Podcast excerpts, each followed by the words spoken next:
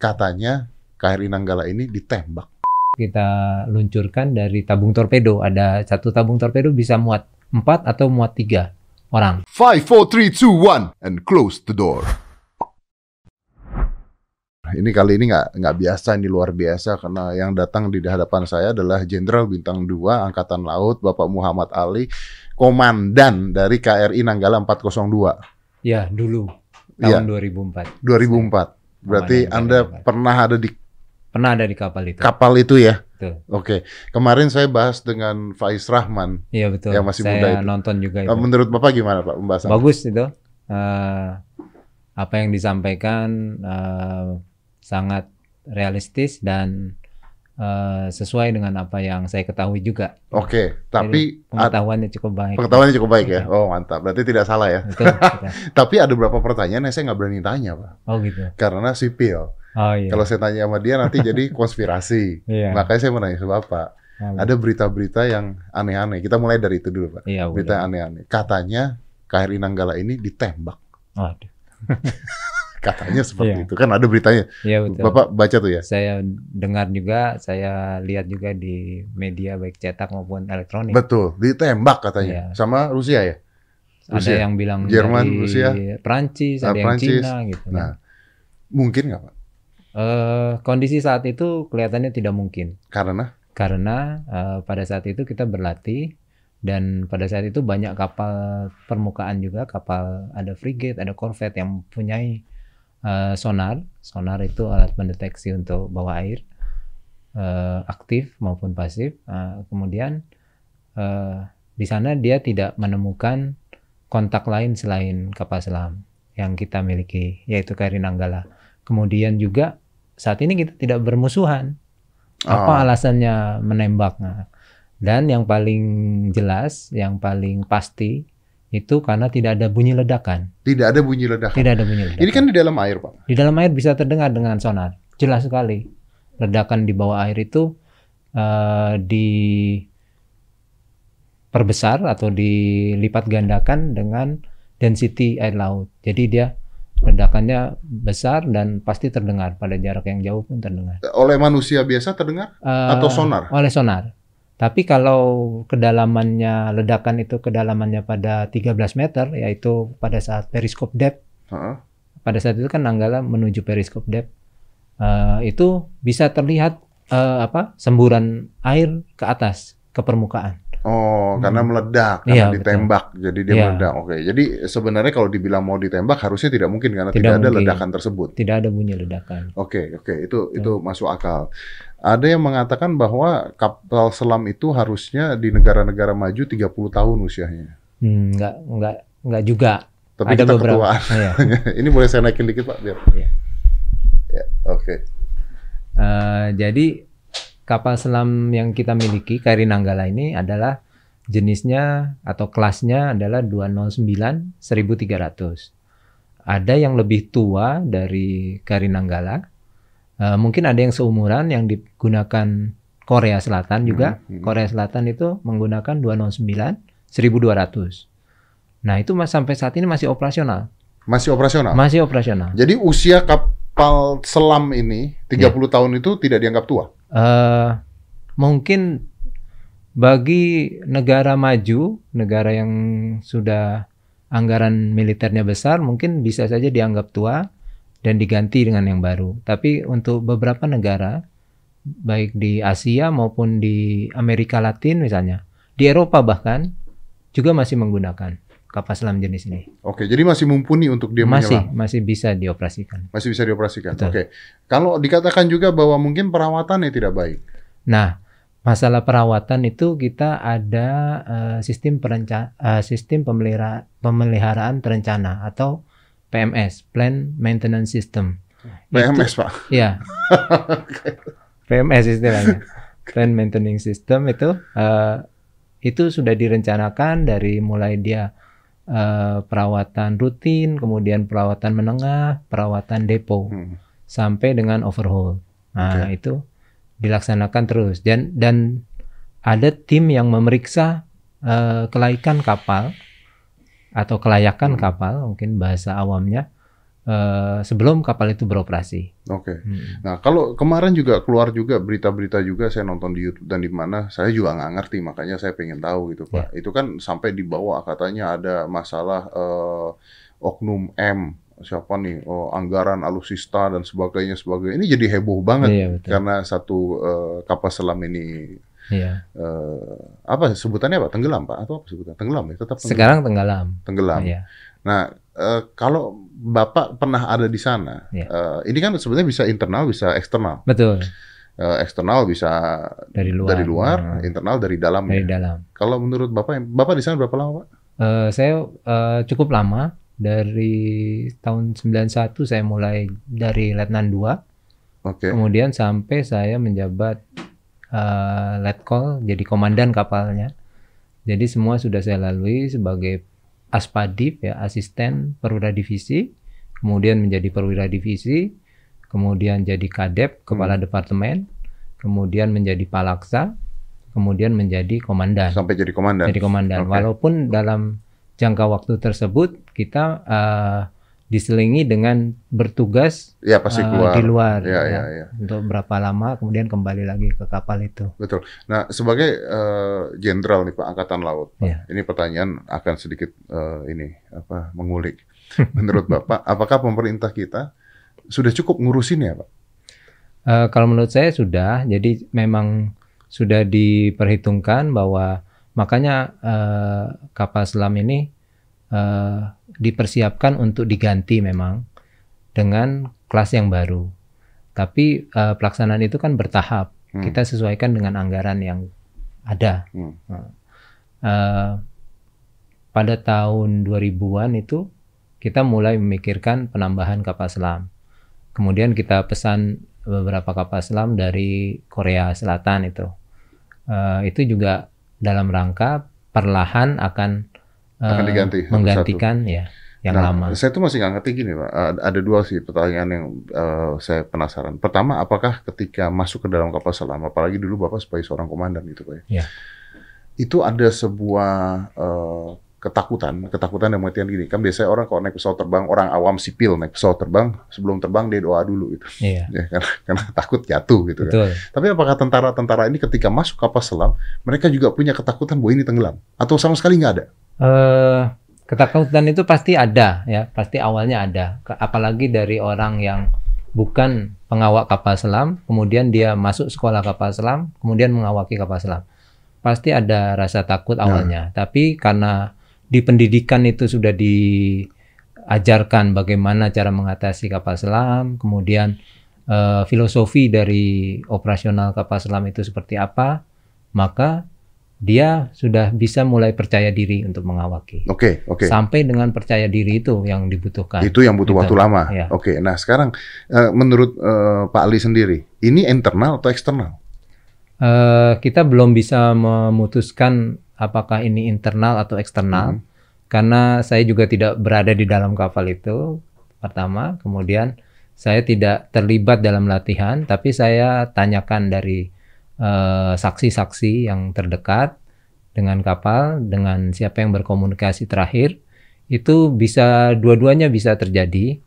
Tapi eh, terakhir ini saya mulai eh, agak mulai apa ya mulai curiga gitu mulai curiga ke arah eksternal tapi eh, kita belum bisa memutuskan ini masih kita evaluasi terus Kalau eksternal maksudnya? eksternalnya eh, ada pada tanggal itu setelah saya cross check dengan beberapa pakar ya pakar oceanografi atau oceanographer itu pada tanggal itu memang terjadi eh, internal solitary waves itu Yang mungkin. internal wave Ya, itu. ya. Oh. Nah, jadi eh, di situ bisa jadi ad- akan berpengaruh banyak terhadap kapal selam itu. Karena begini, eh, mungkin di permukaan air tidak terlihat eh, ini internal solitary waves ini. Namun kalau dia di kedalaman, entah itu belasan meter sampai dengan 50 mungkin sampai 100 mungkin itu akan terjadi Terasa. terasa dan itu kalau menurut teori mereka itu bisa menarik lebih cepat kapal ke bawah gitu. Oke, An- Anda pernah nggak Pak mengalami itu, Pak? saya belum pernah me- mengalami itu.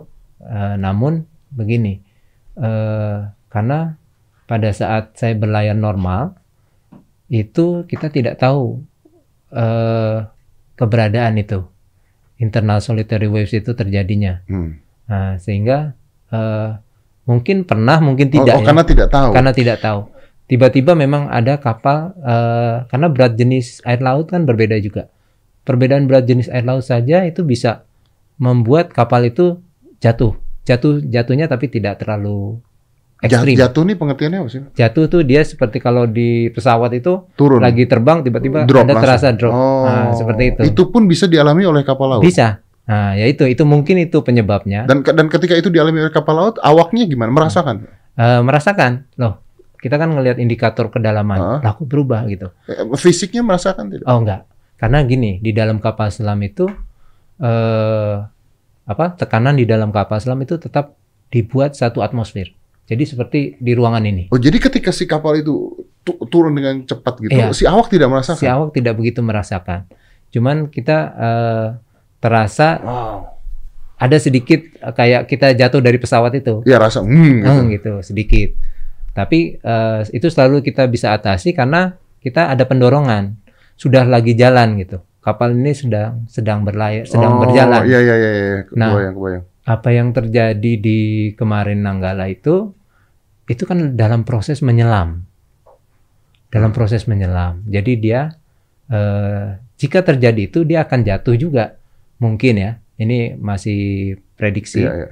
Eh, dia akan jatuh, eh, tapi karena dia tidak sedang berjalan, maka dampaknya Kencang. eh, sudut yang di eh, sudut trim, sudut trim itu ke depan oleng dan angguk itu, ke belakang atau ke depan itu eh, agak ekstrim, sehingga dia akan menyebabkan kapal itu tambah jatuh. gitu. Karena posisinya dia lagi ya, masuk. posisinya lagi masuk gitu. Apalagi kalau kemudi selamnya lagi dibuka. Nah, itu akan menambah cepat dia masuk. Tapi ini kan masih kita ya. selidiki ya. Iya. Eh, Ketika terkena internal wave gitu, Iya. ini kapal nggak bisa ngapa-ngapain. Seharusnya bisa, Seharusnya bisa. seharusnya bisa. Nah, jadi tergantung berapa kuat daya tariknya dia ke bawah. Tapi itu kita bisa atasi dengan penghembusan seluruh tangki pemberat pokok atau main ballast tank. Atau kalau darurat lagi, lebih darurat lagi, kita menghembuskan yang dinamakan tangki tahan tekan. Itu memang diciptakan untuk khusus kedaruratan. Jadi ini, ini kapal selam nih. Ya. Dia ketarik ke bawah nih. Tarik ke bawah. Terus dibuka Dibuka sehingga kapal lebih ringan. Kemudian ditambah lagi dengan pendorongan. dengan pendorongan. Pendorongan. Dia untuk membuat kapalnya ngambang lagi Iya, naik ke atas. kapalnya naik lagi. Jadi dengan ada pendorongan, maka kemudi itu efektif. Kemudi selam timbul akan efektif. Oke, ketika terjadinya internal wave. Ya, ketika terjadinya internal wave. Eh, tapi kita nggak tahu apakah ini dilakukan apa enggak. Ah, itu yang kita tidak tahu apakah itu dilakukan atau tidak. Itu yang masih misteri bagi kami. Oh, nah, tapi melakukan ini adalah eh, se- sebuah prosedur harusnya gitu. Ya, itu salah satu prosedur kedaruratan.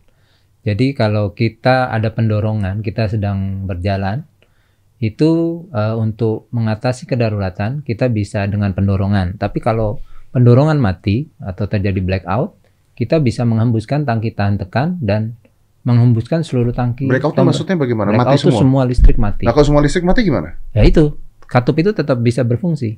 Memang itu dibuat untuk darurat. Listrik mati semua nih. Ya, Berarti ini manual. iya manual. Dibuka. Jadi hanya buka katup udara. Heeh. udara tekanan itu langsung menekan tangki, mengosongkan air yang ada di dalam tangki, sehingga kapal lebih ringan, sehingga dia menuju ke atas. Dalam keadaan blackout pun bisa Dalam dilakukan blackout pun itu.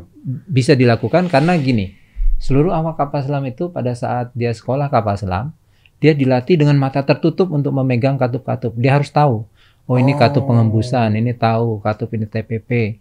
Dari bentuk eh, katupnya itu dibedakan. Jadi dia meraba itu dia tahu ini katup apa, untuk fungsinya untuk apa. Oh, gitu. jadi sudah terpikirkan kalau blackout seperti apa? Iya.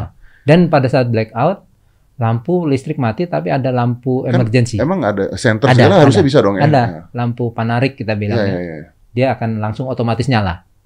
Tapi dia nyalanya tidak terang, Iya, iya, hanya iya. eh, Iya, pokoknya beberapa bagian. Tapi beberapa itu bisa bagian. kita gunakan. Oh, tapi kita sama sekali nggak tahu nih ya internal wave-nya seperti Ya. apa, eh, bisa saja Ya. terlalu kuat atau sudah dilakukan atau tidak kita Ya. nggak tahu. Ya. Kemudian terkait internal wave ini eh, ada salah satu pakar oceanographer itu eh, ini namanya Dr. Adi Purwandana dan Dr. Adi Pras Susatyo. Kemudian ada juga dari Australia itu yang di YouTube mungkin bisa dilihat Stuart Corney. Nah, itu Hmm. juga menyatakan bahwa internal wave itu bisa saja terjadi terutama di eh, Selat Lombok dan di utara Bali Hmm. itu. Dan Dr. Adi Purwandana ini langsung ngecek untuk pada tanggal 21 itu memang terjadi Memang terjadi pusaran yang kuat. Jadi turbulence bawah laut yang cukup kuat pada saat itu. pada saat itu, tanggal 21 itu. Oh, Itu kan kita langsung komunikasi, kita tanyakan. sorry maaf. Apakah internal wave ini tidak ada BMKG-nya gitu? Ah, nggak ada di MK, BMKG umum tidak ada. Maksudnya kan kita nggak bisa tahu gitu. Mungkin biasanya nanti tanggal berapa bisa terjadi Iya. ini nggak bisa. Biasanya BMKG hanya permukaan air laut, ombak, gelombang kan gitu di permukaan aja. Angin, kemudian awan, Pak memprediksikan akan terjadi internal wave atau tidak nggak bisa. nggak bisa. Eh, bisa mungkin, tapi dia kan tidak fokus pada itu, pada daerah tertentu. Nah ini dengan adanya kejadian eh, si pakar ini melaksanakan penelitian di situ apa melalui citra satelit juga Dan memang melihat ada. bisa. Nah itu eh, eh, kan ada katanya sempat keluar juga di mana-mana ada sebuah slogan yang katanya kalau kami sudah menyelam anggap kami mati. Iya, iya dari apa video klip yang Betul. dibuat oleh salah satu Betul. anggota ya. Tapi itu bukan sebenarnya, bukan Ya, slogan aslinya. eh, resiko bisa saja Resiko ya kalau bertugas Bisa ya siapa aja. yang Ya, tahu gitu ya. Saya kayak kita terbang lah. Kita terbang Iya. nih kan kita anggap wah, ini setengah nyawa kita nih udah diambil lah gitu ya. Iya iya benar-benar. Separuh nyawa. Padahal kalau kita lihat-lihat ya Hmm. Jenderal, maksudnya eh, kendaraan bermotor, mobil lebih banyak Ah, betul, kecelakaan. betul, betul. Cuman fenomenanya lebih mengerikan ketika lebih- di atas apa di bawah. Iya. Nah saya tuh nggak kebayang ketika ada di dalam kapal selam Iya. lalu terjadi sesuatu kan pasti ada kerusakan atau ada apa betul. itu pasti pernah terjadi lah. Pernah terjadi. Nah itu paniknya seperti apa ya? Ah, paniknya ini harus kita manage ya. Jadi Oke. jangan sampai panik karena kita kan dilatih sebenarnya. Pada saat kita berlayar, awal itu keluar dari pangkalan, kita pasti melatihkan latihan peran peninggalan. Itu rutin.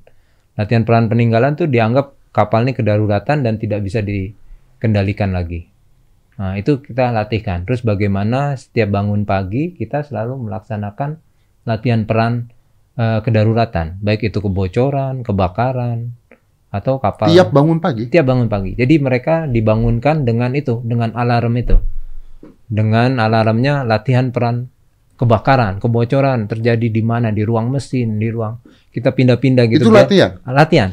Biar mereka alert tiap hari. tiap hari. Tiap hari. Maksudnya ini ketika latihan atau ketika lagi bertugas pun begitu. Bertugas pun begitu. Pokoknya ber- setiap kapal itu bergerak eh, setiap bangun pagi kita latihkan peran. oh gitu. Begitu. Untuk Wow. melatih alertness lah dari para pengawal kapal selamnya. Jadi artinya mereka bangun pagi selalu kaget. Iya, harus dikagetin gitu. Jadi dia eh, Siap. siap, lebih siap gitu. Tidak panik. Itu yang kita latih itu sebenarnya bagaimana mengatasi rasa panik tadi yang ditanyakan. Nah, itu dan tapi gini, setiap kedaruratan itu pasti ada jalan keluar untuk mengamankan atau menyelamatkan kapal itu. Oke. Itu Setiap kedaruratan. setiap kedaruratan Ini kalau faktornya eh, internal ya berarti. internal. Misalnya kerusakan mesin. kerusakan mesin, kerusakan teknis ya.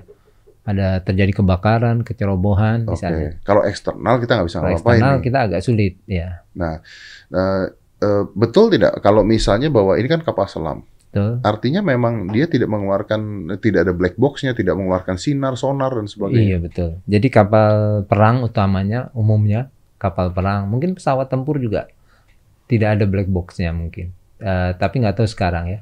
Kalau zaman dulu nggak ada itu. Kalau pesawat jatuh makanya Ya udah, ya udah nggak ada black boxnya. Kalau pesawat nanti diteliti oleh eh, tim kelaikan dan segala macam lambangnya kalau penerbangan. Kalau kita ada dislaik ya dinas kelaikan kapal. Nah itu kita tanyakan nanti bagaimana perawatan, perbaikan, Hmm. kemudian bagaimana eh, tingkat latihan personilnya. kalau ini tidak ada, tapi dia bisa kontak keluar. Artinya kalau ketika dia jatuh bisa tahu. eh bisa, harusnya eh, bisa kontak, tapi eh, tidak terjadi. Nah, itu yang kita tanda Tapi tanya. tidak terjadi. Iya. Oh. Dan karena tidak ada black box-nya dan sebagainya, artinya tidak bisa juga diketahui kenapanya. Ya, nanti makanya kita harus Waduh. evakuasi mungkin barangnya, mungkin kita lihat mungkin ada. Itu pun butuh waktu, butuh waktu lama. Nah ini pada saat jatuh ini beneran dia lagi latihan atau lagi misi, Pak?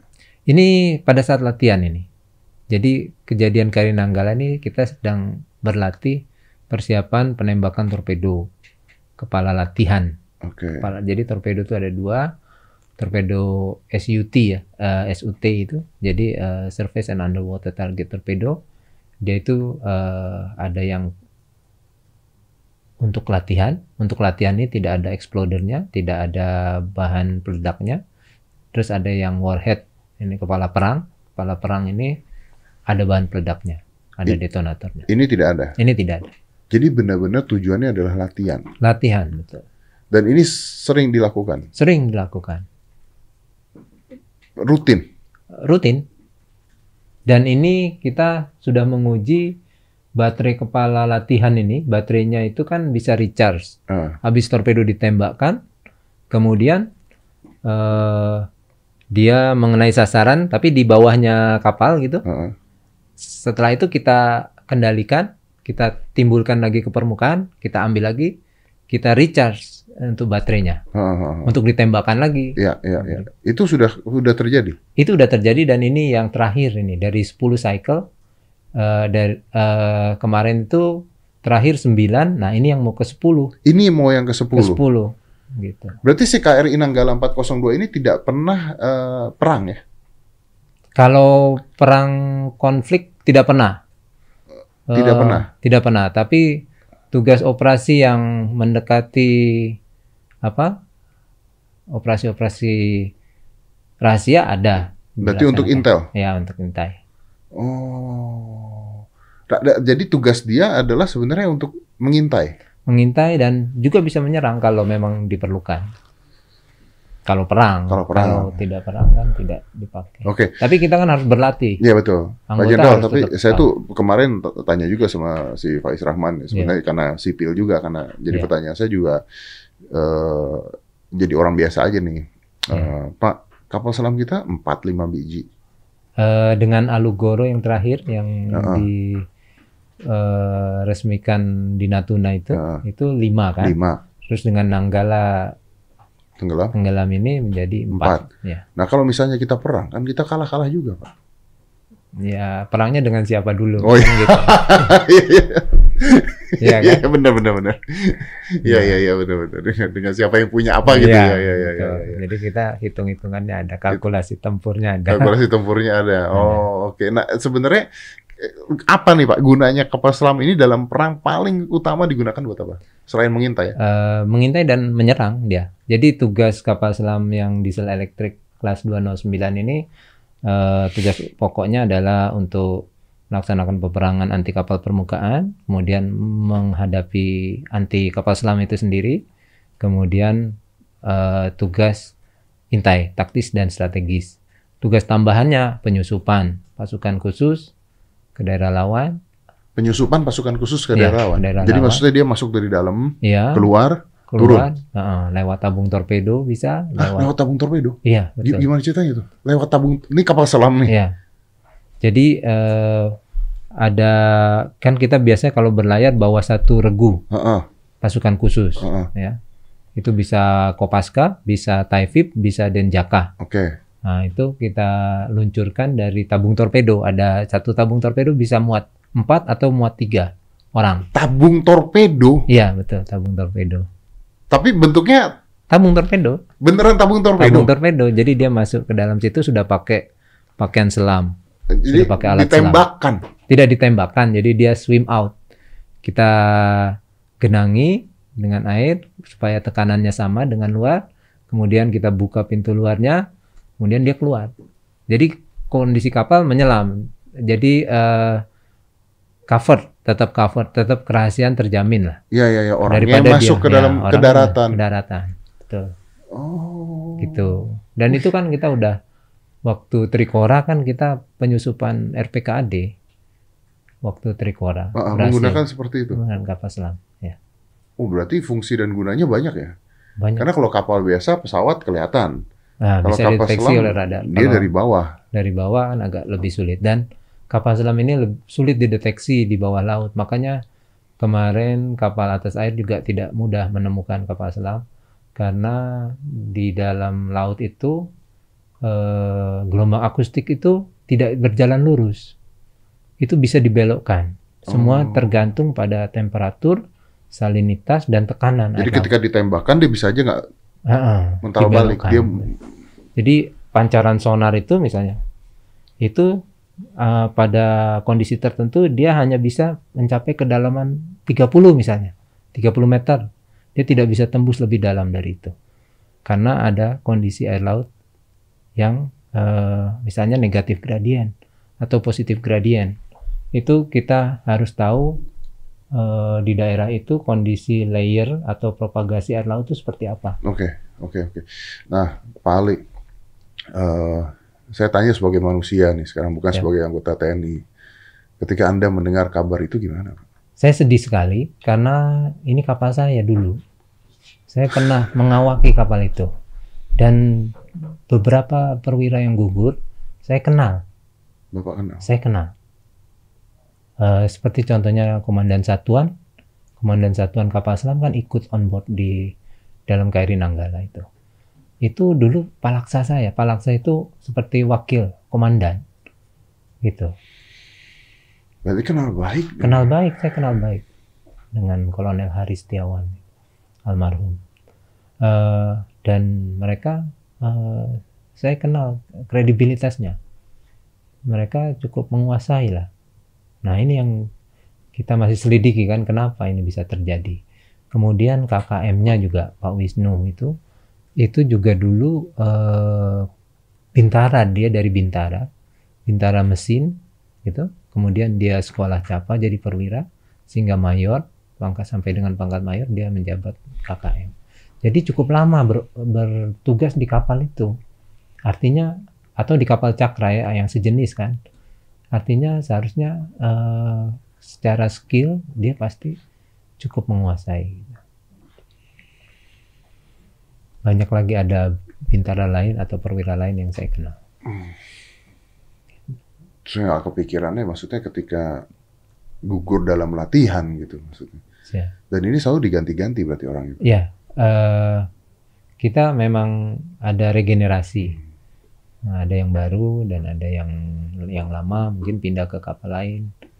Bagian berada tetap di situ. Sempet ini Pak, sempet diam. Ya, saya kaget sekali, eh, kemudian sedih sekali. Eh, akhirnya saya, tapi kita kan tidak boleh larut dalam kesedihan. Kita harus berpikir gimana ini. Kemudian eh, kita ada perkumpulan eh, submariner itu para pengawal kapal selam sedunia itu kita tiap dua tahun kan kumpul. Ada acara di Asia Pacific Submarine Conference itu seluruh submariner dari ber- berbagai negara itu hadir di situ membicarakan masalah eh, pertolongan terhadap kapal selam ketika terjadi kedaruratan. Saya ingat itu, makanya saya langsung eh, perintahkan staf saya untuk menghubungi AS Merlo. AS Merlo itu International Submarine Escape and Rescue Liaison Office. Nah, itu kita hubungi, kita coba diskusi dulu. Nah, kemudian saya tanyakan ke eh, pimpinan, gimana ini? Apakah kita perlu bantuan asing? Dari Bapak Kasal segera bantu, karena kita berpacu dalam waktu ya. Tapi bukan ke- ketika sudah dalam kedalaman tertentu tidak mungkin diselamatkan. Ah, kita nggak tahu kan, kenda- ah, kan pada saat itu kan belum Oh, ditemukan. pada saat itu belum Ya, ditemukan. belum ditemukan. Baru hilang saja. Baru hilang kontak selama sekian jam. Wah ini udah Oh, mencurigakan. Kalau hilang kontak dalam sekian jam itu sudah harus berarti sudah mulai curiga. Jadi kita ada prosedur sublook gitu. Sublook itu dia hilang kontak dalam sekian jam. Yang seharusnya dia laporan, tidak laporan, itu kita harus sudah sublook, harus sudah mencari. Ada Tap- apa tapi ini? pernah nggak Pak? Maksudnya hilang kontak dalam sekian jam lalu ketemu kembali itu ada nggak kejadian seperti itu sebenarnya? Hmm, hampir tidak ada. Jadi kita udah ada prosedur laporannya. Jadi kita tunggu jam sekian harusnya laporan. Jam sekian tidak laporan, Harus- udah mulai curiga. Harus sudah mulai curiga kalau kapal selam. Karena sulit dideteksi itu tadi. Makanya kita isyaratkan sublook, kemudian berapa jam setelah sublook tidak ada juga kabar, kita langsung sampaikan submiss. Nah, submiss, eh, akhirnya banyak bantuan dengan perkumpulan itu, para pengawal kapal selam di seluruh dunia, maka ada kewajiban bagi negara terdekat yang mempunyai kemampuan, fasilitas Untuk membantu. membantu kapal selam yang sedang distress, itu dia wajib membantu. Dan banyak tawaran memang. Tapi kan kita harus hitung waktu dia menuju dari Lokasi. negaranya ke lokasi kita ada eh, terjadian. Nah itu kita harus cek berapa lama. Nah yang terdekat waktu itu Singapura memang. Dan kesiapannya dia siap, eh, Swift Rescue itu, makanya dia bisa hadir yang tercepat. Termasuk yang tercepat, namun dari Australia tim frigate-nya eh, dengan helikopter on board yang kemampuan mencari pakai sonar itu juga mencoba mencari di itu juga datang cepat dan dari Malaysia juga datang ya itu eh, wujud dari apa Seaman Brotherhood ya Ya ke ya, ya, ya kebersamaan sama lah. artinya. Submariner Brotherhood juga gitu. Wah, Kalau kejadian seperti ini tuh bikin eh, anggota takut nggak sih Pak? Atau tidak ada kata Hal takut itu tuh? kemungkinan ada, tapi harus kita atasi. Harus kita atasi dan harus kita beri keyakinan bahwa eh, seperti yang tadi Pak Dedi Hmm, bilang, hmm. Naik motor di jalanan Iya, juga bisa iya. mati kan gitu, naik mobil. Nah itu. Saya nggak- maksud saya gini, kita tuh harus dilatih seperti apa? Ini kan kedalaman nih. Ya, Misalnya nih, misalnya, eh, Pak, saya mau coba dong kapal selam gitu misalnya. Nah, Iya. ketika saya diajak coba kapal selam kan nggak mungkin. Coba dong, saya masuk. Pasti ada kesiapan yang harus dilatih kan. ya. Nah, a- apa yang harus dilatih? Yang dilatih. Napas kah atau apa? oh, kalau Fisik? napas normal. Oh, itu normal. ma- normal. Semuanya normal. Nafas normal. Jadi eh, kita oksigen itu, jadi kita di dalam kapal tuh, kalaupun kita menyelam dalam ya, kalau kita menyelam dalam itu ada namanya alat regenerasi udara. Hmm. Dia itu membawa soda lime. Soda lime ini eh, alat eh, untuk mengikat karbon. Karbon diok- karbon Dioksida. dioksida yang kita keluarkan itu karbonnya diikat kembali lagi menjadi O2 lagi Oh. gitu. Nah, jadi seperti filter lah gitu. Jadi dia akan refresh terus, di refresh. Jadi Ah, napas normal. Nafas normal. Jalan? Nah kalau kita kedalaman periskop depth, di mana snorkel dari kapal Masih kelihatan? bisa bisa naik ke atas permukaan Ah. sedikit gitu, itu eh, kita bisa melaksanakan pembersihan udara dengan snorkel itu. Hmm, Jadi hmm. udara dari luar kita masukkan, kita isap, terus Diputar. diputar keluar. Oke. Nah, kita flashing lah gitu Iya, iya, udaranya. iya, betul betul. Jalan? Jalan nggak ada masalah. Jalan kita menggunakan baterai. Hah? Baterai, tenaganya baterai. eh, Bukan, bukan. Ki- Kitanya jalan. oh, Awak. jalan di dalam Ah, kapal. betul. nggak ada masalah sama aja. Cuman ruangannya sempit. Jadi jalan-jalannya harus apa? Kita harus melipir gitu ya. Oh, olahraga. Olahraga, olahraga berat tidak dianjurkan karena karena kalau kita olahraga berat nanti eh, CO2 yang keluar itu akan lebih banyak daripada biasanya. Oh, berarti pergerakan-pergerakan Pergerakan ekstrim tidak dianjurkan. Tidak dianjurkan. Ya. Jadi selesai jaga malah disarankan tidur, baca buku gitu, nonton video misalnya, gitu. Itu hiburannya cuma itu buku, makan, bosan berarti. makan. Ya itu bosan. Tapi kita sudah biasa mengatasi kebo- kebosanan itu. Harus biasa. Dan ketemunya orangnya itu-itu aja kan. Oh iya benar, benar, Iya. benar, benar. Nah, saya sering lihat itu bener ya, Kak. Tadi kemarin juga saya bahas begitu ke atas keluar, mereka bisa keluar kan sebenarnya. Oh ya, kalau dia di atas permukaan Bisa keluar. bisa keluar. Bisa keluar. Berarti Jadi kalau mau merokok biasanya keanjungan tuh ke atas dia. pada saat lagi di Pada luar. saat dia di permukaan ya. Berarti di dalam tuh kayak di penjara dong. Pak? Ya mirip di penjara. Seperti itu. Tapi ya itulah situasi eh, kehidupan para awak kapal selam. Oke, Pak Jenderal. saya jadi penasarannya begini, sebagai angkatan laut, apakah kita punya peralatan semua tuh sudah mumpuni atau belum? Eh, mumpuni ini relatif ya. Hmm. Eh, kita hadapkan dengan siapa dulu. Singapura. Oh, kalau Singapura memang eh, tingkat modernisasinya cukup tinggi, Oh, oke. cukup baik. Ya, termasuk yang di Asia Tenggara mungkin dia termasuk yang paling modern. Yang paling modern Paling Singapura. Karena ini berhubungan dengan dana ya. Iya, ini sangat berhubungan dengan anggaran. Nah, kalau Anda sendiri sebagai jenderal nih, Ya. Anda merasa gimana dengan peralatan kita? Apakah kita sudah mumpuni? Eh, kita merencanakan kan ada ada tahapan ya. Kemudian pada yang lalu itu ada namanya dinamakan program minimum essential force mungkin udah tahu ya Hmm. MEF. Hmm. Di situ juga eh, bagaimana kita mengefektifkan anggaran itu untuk bisa tetap essential force-nya itu ya kekuatannya kita tetap mampu tapi dalam kondisi minimum tapi eh, ini dilakukan bertahap kita ada Renstra kan perencanaan strategis yang lima tahunan kemudian eh, setiap lima tahun kita proses itu kayak mana yang harus dimodernisasi seperti Nanggala ini ada beberapa alat yang sudah dimodernisasi pada saat di Korea Oh gitu. Ya, ada sensor misalnya. Sensornya, sonarnya kita ganti, sensor yang lama. Kemudian combat management systemnya juga kita ganti.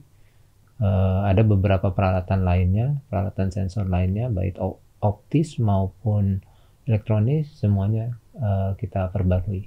Saya, saya masih nggak ngerti kalau, kalau misalnya eh, eksternal ya ada ada internal wave di Hmm. dalam, lalu dia nyelam dan terjadi hal seperti ini, apakah berarti setiap kali kena internal wave bisa terjadi kecelakaan atau ini sial aja gitu? Eh, tergantung kondisi kapal itu pada saat itu sedang jalan atau sedang bergerak atau pada saat kondisi diam proses menyelam. Oke. Karena eh, saat-saat rawan kapal selam itu pada saat dia mulai menyelam itu awal Hmm. menyelam awal itu samalah kayak pesawat pada Oh, saat take take, off, off, dan oh, landing, landing. itulah eh, saat-saat rawan.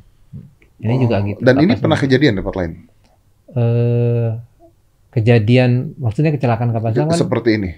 saya nggak Karena tahu. internal wave? Eh, mungkin mungkin kan banyak kecelakaan kapal selam itu sampai sekarang misteri. Penyebabnya kita tidak tahu, Ya, ya, ya. ya. ya kan? Eh, sampai dia tenggelam, misalnya kapal selam Argentina baru selesai perbaikan, berlayar tiba-tiba hilang.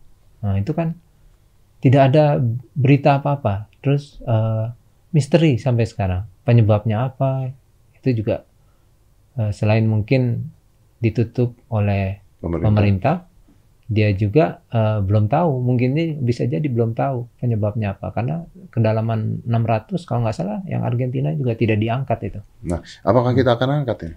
kita akan berupaya mengangkat dan Eh, saya dengar katanya untuk angkat saja biayanya tinggi sekali. biayanya tinggi tapi kita banyak bantuannya nih Oh, Oke. banyak yang menawarkan bantuan Nah, dari asing terutama ya kita juga menyiapkan dari dalam seperti misalnya kementerian lembaga lainnya juga cukup eh, komunikatif untuk membantu seperti dari SKK Migas misalnya dia punya kapal apa Timas ya Timas itu kalau nggak salah dia bisa dia kapal yang biasa memasang pipa-pipa bawah laut Hmm. Nah, itu juga katanya. Ya, berarti Nah, punya peralatan-peralatan punya itunya peralatan, juga. punya crane sampai kedalaman segitu bisa katanya, sampai kedalaman 800-an bisa. Ya, ya. Kemudian ini yang sudah datang ini kapal dari Cina, tiga, tiga kapal Cina juga dia punya peralatan yang cukup canggih, bisa sampai seribu lebih meter eh, untuk ROV maupun kapal selam ininya. Itu katanya dia lagi berpikir bagaimana cara mengangkat. cara ini. ngangkatnya. Jenderal, eh, saya penasaran kalau Anda, saya nggak tahu, Anda baca nggak berita-berita kemarin tuh ada orang dua apa tiga juga yang terus malah julid ngata-ngatain. Oh. Anda baca nggak? Ya, ya, ya, ya. Saya dengar tapi saya nggak dengar detail ya masalah itu. jangan lah, kok dengar detail Anda Iya. sakit hati. Iya betul. Terus ditangkap orangnya sempat Iya, betul. ditangkap sama polisi. Ditangkap. Nah, eh, saya tahu ini bukan bukan eh, lininya Anda gitu. Iya. Cuman sebagai manusia gitu. Saya pingin opini pendapat Anda, Pak. Ya. Jadi kenapa, kenapa bisa terjadi seperti itu ya? Rakyat ada rakyat Iya. kita yang ada kecelakaan, terus Iya. malah dikata-katain. Nah itu juga eh, saya juga heran ini. Jadi tidak ada rasa apa empati gitu ya. Ah, ah. Apalagi simpati apa nggak ada lagi gitu. Apa yang terjadi? Nah itu itu mungkin ya mungkin harus para ustadz dan para ulama ini yang men- membahas masalah ini. ini memang eh, sangat apa prihatin sekali ya kondisi bangsa lagi berduka kemudian malah mencemooh. Itu Iya. kan saya rasa eh, sebagai bangsa dari wilayah timur, bangsa timur ini bukan kita ciri khas kita kan ciri gitu kan. khasnya jauh sekali. Iya, gitu. makanya itu dia. Tapi apakah eh, pahlawan-pahlawan ini ya, Iya. eh, yang gugur ini na- nasibnya gimana sekarang? Pak? Eh, jadi gini, kemarin dari pemerintah cukup bagus sekali memberikan penghargaan Hmm. pada mereka yang gugur. Eh, mereka diberi kenaikan pangkat Oke. satu tingkat lebih tinggi. Kemudian diberi tanda kehormatan. Kalau nggak salah ada tiga tanda kehormatan itu ada jala, eh, yang umum semuanya diberi Jalasena Nararia kalau nggak Hmm. salah. Eh, kemudian ada dua tanda kehormatan lagi yang saya nggak apal itu Iya, namanya. Jadi eh, penghargaan mereka cukup tinggi dan kepada keluarga yang ditinggalkan. Nah itu dia ini yang maksudnya. paling penting. Maksudnya gini Pak, maksudnya gini, Betul. maaf ya, maaf. Iya. Ya pangkat mau jadi apa kayak Iya betul. yang ngerasa yang ketika Yang terasa kan iya, keluarga. Tapi keluarganya ini gimana ini Betul. loh? Jadi keluarga ini dari Bapak Presiden juga akan perhatikan pendidikan anaknya dari umur berapa saat ini anaknya itu Hmm. sampai dengan eh, pendidikan tingkat S1. Sampai pendidikan tingkat S1. S1 Oke. dijamin oleh pemerintah. Sekolahnya artinya Sekolahnya. dijamin. Ya. Nah, untuk eh, ininya eh, Untuk kehidupan biayanya ada anggaran yang diberikan dari Kementerian Sosial, kemudian banyak sebenarnya yang menawarkan eh, bantuan dari Kementerian Sosial, dari pemerintah daerah di Surabaya, pemerintah kota, eh, kemudian dari beberapa LSM juga ada, kemudian dari eh, rekan-rekan sekerja juga eh, Mengumpulkan. ya, mengumpulkan. Jadi eh, cukup besar lah. Kalau dari dinas sendiri jelas pasti ada. dari dinas sendiri juga Dinas ada. ada dari Angkatan Laut, dari TNI, kemudian dari Polri bahkan Kapolri sendiri memberikan bantuan. Kemudian bagi anaknya yang ingin masuk Taruna atau Bintara atau Tamtama itu dipermudah. Prioritas, Diprioritaskan. diprioritas. Ya ini yang penting kan ini keluarganya ini. Iya betul. Kemudian eh, ada pembimbingan konseling untuk menghilangi trauma Kepada, kepada keluarga. keluarga maupun pada awak yang masih ada. Kepada awak yang masih ada. Ya, awak Maksudnya? maksudnya, awak kapal selam lain biar Oh, biar nggak nggak trauma. trauma. Biar tidak Kita ada trauma. dinas psikologi angkatan laut di spesial itu dia eh, bertugas untuk itu memberikan konseling. Kalau ada masalah apa-apa langsung kontak. Jenderal sendiri kalau misalnya Ya. ada satu kapal selam terus misalnya diminta gitu. Coba jenderal eh, pakai selam masih mau? Oh masih mau, harus mau kalau kita kan tidak ada kata mundur ya. Tidak boleh lah ya. Tidak boleh. Nggak boleh Iya. ada kata mundur. Benar Kalau juga ya. Memang Masa tidak dibutuhkan, mau? iya. masa tidak mau? Oh, tidak mau. Nggak mungkin. Iya, iya, Ya. iya, iya. Tapi kita harus eh, melihat kondisi teknis. Kondisi teknis itu makanya eh, setiap mau berlayar, komandan kapal itu itu menandatangani namanya RPP, rencana pernyataan pelayaran. Hmm. Jadi eh, komandan kapal selam itu yakin bahwa kondisi teknisnya bagus, baru dia tanda Ah, tangan. oke oke. Dia laporan kepada panglima armada. Nah, artinya, Ya. artinya tadi belum kita bahas, bisa Ya. saja human error. Eh, kita nggak berani Nggak- ngomong itu ya. Biarkan ini kita evaluasi, selidiki Iya, dulu. iya, iya. Karena kalau kita menyampaikan hal yang belum pasti, Nanti dipelintir. dipelintir. Iya. Takutnya juga uh, menyinggung keluarga. Betul. Nah, kan betul, ini betul, kan betul. kita harus hati-hati dan uh, ini perlu di apa sosialisasikan ke masyarakat Indonesia nih. Ah. Apabila ada uh, ini mungkin yang diterangkan Pak Faiz Betul, uh, ya. betul. Kalau ada kecelakaan pesawat, kecelakaan kapal, jangan langsung memvonis. Oh ini ini, oh ini hanya untuk kepentingan individu, Konten. golongan, apa Politik. politik Ya. atau untuk kepentingan pribadi bahkan ya. Nah itu jangan sampai Nah, kita betul-betul harus evaluasi benar. Eh, begitu pula yang, yang terjadi di negara lain. Di negara lain itu tidak tidak banyak saling menyalahkan seperti kita ini. Hmm. Dan dia eh, biarkan kita apa yang berwenang itu bekerja untuk mengetahui apa penyebabnya sehingga kalau kita tahu penyebabnya kita bisa warning ke Ya, yang ke masih lain. aktif ini Ya, kan ya. ya. Tapi Gini kan loh. tapi kan gitu, Pak Jenderal. Dari dulu pesawat jatuh, orang ini bikin konten, kenapa pesawatnya jatuh? gitu. Iya. Kenapa begini? Nah itu yang disayangkan. Iya, ya. tapi dia tidak apa makanya ketika saya kemarin sama Faiz saya bilang kita bukan ngebahas ini, kita ngebahas kapal selam Iya. secara keseluruhan gitu Iya. biar biar orang-orang ngerti tentang Iya. kapal selam. Itu yang memang disayangkan sih. Akhirnya jadi eh, dan ini bisa digeser-geser lewat politik bisa. Betul, betul. Itu yang kita khawatirkan. Jadi ada kepentingan-kepentingan tertentu mengail di air keruh ya. Iya. Nah itu yang kita dari sebuah petaka. dari ya. sebuah petaka menari di penderitaan di atas penderitaan orang lain kan. Iya. Ini yang yang sebenarnya bertentangan dengan adat istiadat kita ya sebagai orang timur. Apalagi agama kalau kita ngomong masalah agama ini jauh sekali. Iya. Hmm. Ya, kalau eh, mungkin terakhir, eh, Hmm. Ini kan pasti dilihat juga, saya yakin ini juga dilihat oleh eh, para keluarga yang ditinggalkan. Iya betul. Nah, eh, apa kata-kata anda pak untuk mereka? Pak? Ya, untuk keluarga eh, jangan lihat ke belakang, lihat ke depan, pikirkan masa depan penerus ya, anak-anaknya, putra-putrinya, bagaimana bisa eh, memberi kebanggaan pada orang tuanya. Hmm.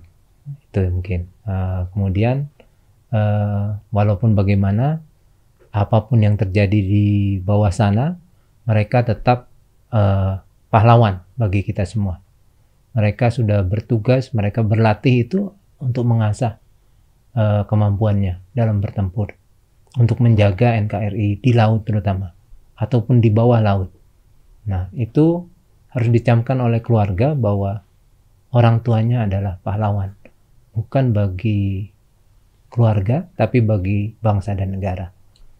Nah, itu harus eh, bisa memotivasi anak-anaknya untuk eh, serius dalam apa eh, menghadapi masa depan eh, bagi keluarganya Dan bangga ya, dan bangga dan bangga. harus bangga Anda pernah ya. nggak sih pak kalau lagi bertugas itu anak bilang nggak usah?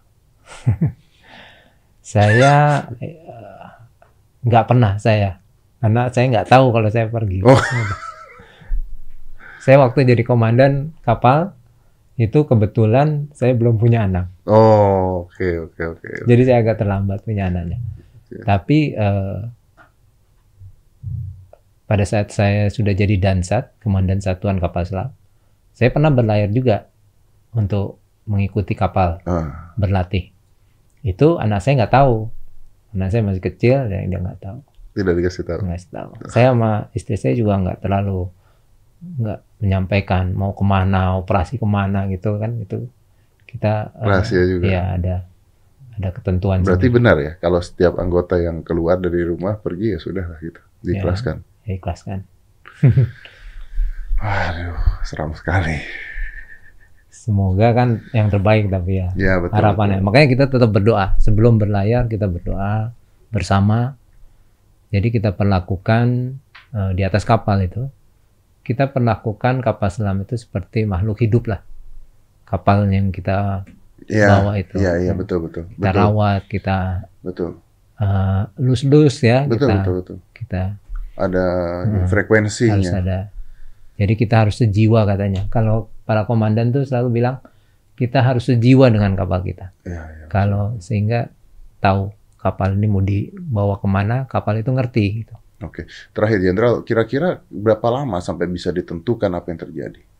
Eh, mudah-mudahan dengan bantuan asing ini, dengan bantuan peralatan yang canggih bisa lebih awal, lebih cepat dari biasanya, Eh, dari yang kita inginkan gitu.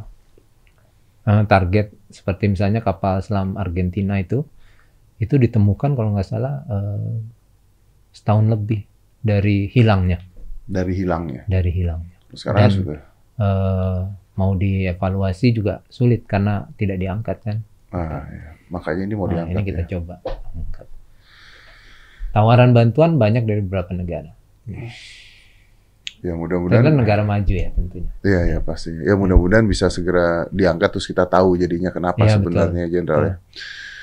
Baik, Jenderal terima kasih banyak. Terima kasih Ini nih Mas informasinya Dedi. luar biasa nih, ngasih pencerahan semuanya dan balik lagi intinya sama. Kalau sebelum tahu kenapa jangan langsung ngejudge Ah, betul. ada apa dulu gitu ya. Iya. Eh, Mungkin kalau- itu harus dibiasakan kepada masyarakat kita. ya, ya. Karena Anda nggak tahu situasinya seperti apa yang Seperti terjadi apa. sebenarnya seperti apa. Makanya masih prediksi-prediksi dan prediksi. Prediksi. Betul. Ya, kita tunggu sampai hasil terakhirnya nanti seperti apa dari pemerintah seperti apa baru kita lihat. Betul sekali. Jenderal, terima kasih. Terima kasih Selamat banyak nih. bertugas. Saya sudah diundang nih. Saya terima kasih sekali, kehormatan bagi saya ada Jenderal di, di atas sini. Wah luar biasa. Terima kasih. Sekarang bertugas di mana Jenderal? Saya di Mabesal Oke, eh, sebagai Asrena Kasal. thank you for coming. Terima kasih. Terima Let's kasih. close Terima this. kasih. Five, four, three, two, one, and close the door.